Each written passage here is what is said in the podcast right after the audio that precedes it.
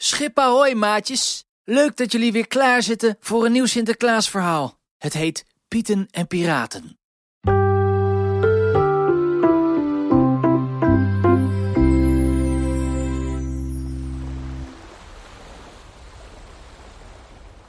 Stuurman Piet tuurde met zijn verrekijker de grote oceaan over of hij al een glimp van Nederland kon zien. Hij ging met zijn verrekijker van links naar rechts en weer terug. Hmm, mompelde hij, ik zie nog niets. Het duurt dit jaar wel erg lang. Ineens voelde hij iemand op zijn rug tikken. Waar? Waarom doe je dat nou? Boos draaide hij zich om, zodat hij kon zien wie hem zo had laten schrikken. Hallo, beste stuurman Piet. Stuurman Piet keek recht in de vriendelijke ogen van Sinterklaas. Oh, uh, sorry Sinterklaas, ik had u niet gezien. Nee, haha, dat heb ik gemerkt, zei Sinterklaas lachend. Hoe staan de zaken ervoor, stuurman Piet? Schieten we al lekker op? Overmorgen moeten we er zijn, maar deze keer gaat pakjesboot 12 langzamer dan andere jaren. Want op de een of andere manier hebben we of meer pakjes of meer pepernoten. Misschien wel allebei. Ja, nee, uh, daar maak ik me dus ook zorgen over Sinterklaas. Volgens de pieten in de machinekamer hebben we genoeg brandstof en vaart onze boot op maximaal vermogen. En toch vraag ik me af of we het gaan redden. Ach, het komt vast wel goed, zei Sinterklaas. Wat is het trouwens heerlijk stil hier op zee. Vind je ook niet, stuurman Piet? Ik hoor zelfs de motor van de boot niet eens. Stuurman Piet haalde adem om iets te zeggen. Op dat moment kwam de machine Piet heel hard aangelopen. Sinterklaas, Sinterklaas, hijgde de Piet. Sinterklaas, de motor is ermee opgehouden. Niets, nada, noppes. Hij doet het niet meer. Het gaat me dagen kosten om deze te repareren. Dat is niet zo mooi, machine Piet, zei Sinterklaas. Hoe moet dat nou? Hij draaide zich naar stuurman Piet. Zeg, stuurman Piet, kun jij kijken of we al bij de kust in de buurt zijn? Dan zou een sleepboot hier op tijd kunnen zijn. Stuurman Piet pakte zijn verrekijker en tuurde in de richting die ze opvoeren. Ik zie nog helemaal geen land en het enige wat we tegengekomen zijn, zijn een paar meeuwen. Of een piratenschip, mompelde hij. Een piratenschip? schreeuwde hij nu. Sinterklaas nam de verrekijker over en zag wat zijn Piet zag. In de verte was duidelijk een groot en ouderwets zeilschip te zien. De zeilen waren allemaal gehesen en het schip kwam met grote snelheid hun kant op. Boven in de nok van het schip wapperde een zwarte vlag. Stuurman Piet kreeg het koud en warm tegelijk. Hij begon zenuwachtig heen en weer te lopen. Sinterklaas, zei hij paniekerig. Dit is een regelrechte ramp. Als die piraten al onze cadeautjes en pepernoten meenemen... dan komen we straks met een lege boot aan in Nederland. Ik moet er niet aan denken hoe verdrietig al die kinderen zullen zijn... als we moeten zeggen dat er dit jaar echt geen cadeautjes uitgedeeld kunnen worden. Nou, stuurman Piet. Voorlopig komen we helemaal nergens aan. Maar dat zal wel goed komen, zoals altijd. Ik ga even alles op een rijtje zetten. Nou, dag hoor.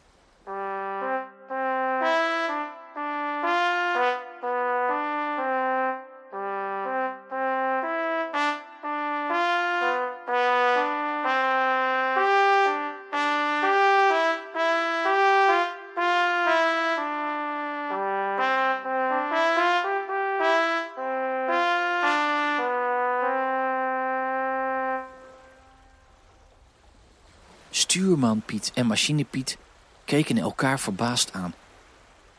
Meen hij dat nou echt? vroeg Stuurman Piet. De boot ligt stil, de machine is kapot, er komt een piratenschip op ons af en Nederland is verder weg dan ooit. En het enige wat Sinterklaas zegt is dat hij alles even op een rijtje gaat zetten? Tja, zei Machine Piet vertwijfeld. Wat moeten we nu? Stuurman Piet zette maar weer eens zijn verrekijker voor zijn oog. Toen het piratenschip al niet eens meer in het venster van zijn verrekijker paste, bedacht hij iets. We moeten de hoofdpiet spreken, zei hij tegen Machine Piet. We moeten het altijd weer helemaal zelf oplossen. Hij zuchtte. We hebben geen tijd te verliezen, want die piraten komen met een seconde dichterbij. Hoofdpiet was direct in alle staten en riep iedereen die niet met iets belangrijks bezig was bijeen in het pakjesruim. Ja, allemaal hier komen. Omdat het zo vol lag met cadeautjes, zaten sommige pieten op een stapel chocoladeletters en anderen gebruikten de zakken met pepernoten als een luie zitzak. Beste pieten, begon de hoofdpiet plechtig. Dat deed hij altijd als er iets belangrijks ging vertellen. Hij stak dan ook zijn kin een beetje in de lucht. We hebben een groot probleem. Twee eigenlijk. De machine is kapot en we worden aangevallen door een stel piraten. Dat moeten we natuurlijk voorkomen. We moeten de cadeautjes van de kinderen en alle lekkers dat we aan boord hebben met hand en tand verdedigen. Betekent dat dat we die piraten moeten slaan en bijten? vroeg de grapjes Piet. Zoals altijd lachte hij om zijn eigen grapjes en meestal als enige. De hoofdpiet zuchtte. Nee hoor, natuurlijk gaan we niet vechten. Wat voor voorbeeld zijn we dan voor al die kinderen? Vechtende pieten, ik zie het al voor me. Geen sprake van, daar beginnen we niet aan. Maar wat doen we dan wel? vroeg Huispiet. Nou, dat zal ik je eens even vertellen. We gaan, eh. nou, eh. ik bedoel, eh. Dat dacht ik dus al, zuchtte Huispiet. Grote mond, maar geen plan. Hij rolde met zijn ogen. Ik heb wel een idee, zei de pepernotenpiet. En daar kan ik machinepiet goed bij gebruiken. Fijn, zei Huispiet. Stuurman Piet, als jij bovendeks nog gaat kijken hoe de vlag ervoor staat, dan kan Pepernotenpiet intussen zijn verhaal vertellen. Stuurman Piet sprintte naar boven en Pepernotenpiet wenkte iedereen. Alle pieten kwamen in een dichte cirkel om hem heen staan. Hij vertelde zijn plan. Iets met stofzuigers en pepernoten. Iedereen knikte instemmend. Uiteindelijk waren ze eruit wat ze precies gingen doen en ze hadden haast. De stuurman Piet kwam zojuist terug en vertelde dat hij het piratenschip nu al met het blote oog kon zien. Zijn dat ogen zonder trui en broek aan? en weer lachte grapjes Piet in zijn eentje om zijn eigen grap. Goed, goed, allemaal aan het werk nu, riep Hoofdpiet. Hij was weer in zijn element, nu hij over iedereen de baas kon spelen. Pepernotenpiet nam een paar pieten mee en Machinepiet nam ook een paar pieten mee. Na een half uurtje werden grote zakken met pepernoten naar het dek gesleept. Intussen was Machinepiet ook klaar. Ze stonden aan de reling klaar om de piraten een warm welkom te geven. Zo, zei de hoofdpiet. Laat ze nu maar komen. Dat hoefde hij geen twee keer te zeggen. Want inmiddels was het piratenschip zo dichtbij dat het langs zij kwam bij pakjesboot 12. Nu allemaal klaarstaan, zei Hoofdpiet. Dan zullen we wat beleven, zeg. Wacht op mijn teken. Hoofdpiet hief zijn hand in de lucht en wachtte even. Na een paar seconden gaf hij het teken. Met grote snelheid zwaaide hij zijn arm omlaag en tegelijkertijd riep hij... Nu! Een aantal pieten tilden een stofzuiger op. Machinepiet had aan een stofzuigmotoren gesleuteld, zodat ze nu geen pepernoten opzogen, maar uitspuugden. Andere pieten drukten de stofzuigers aan en een regen van pepernoten daalde neer op het piratenschip. De piraten begonnen direct de pepernoot op te rapen en op te eten. Ja, uh, maar dat is de bedoeling niet, zei Hoofdpiet. Jullie moeten schrikken en wegvaren.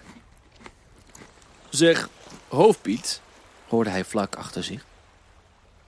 Hij draaide zich geschrokken om en zag Sinterklaas. Deze keek niet blij. Wat moet dit voorstellen? Hoofdpiet legde het hele verhaal uit en Sinterklaas begon er hartelijk om te lachen. Nou, zullen we die piraten eerst maar eens aan boord laten?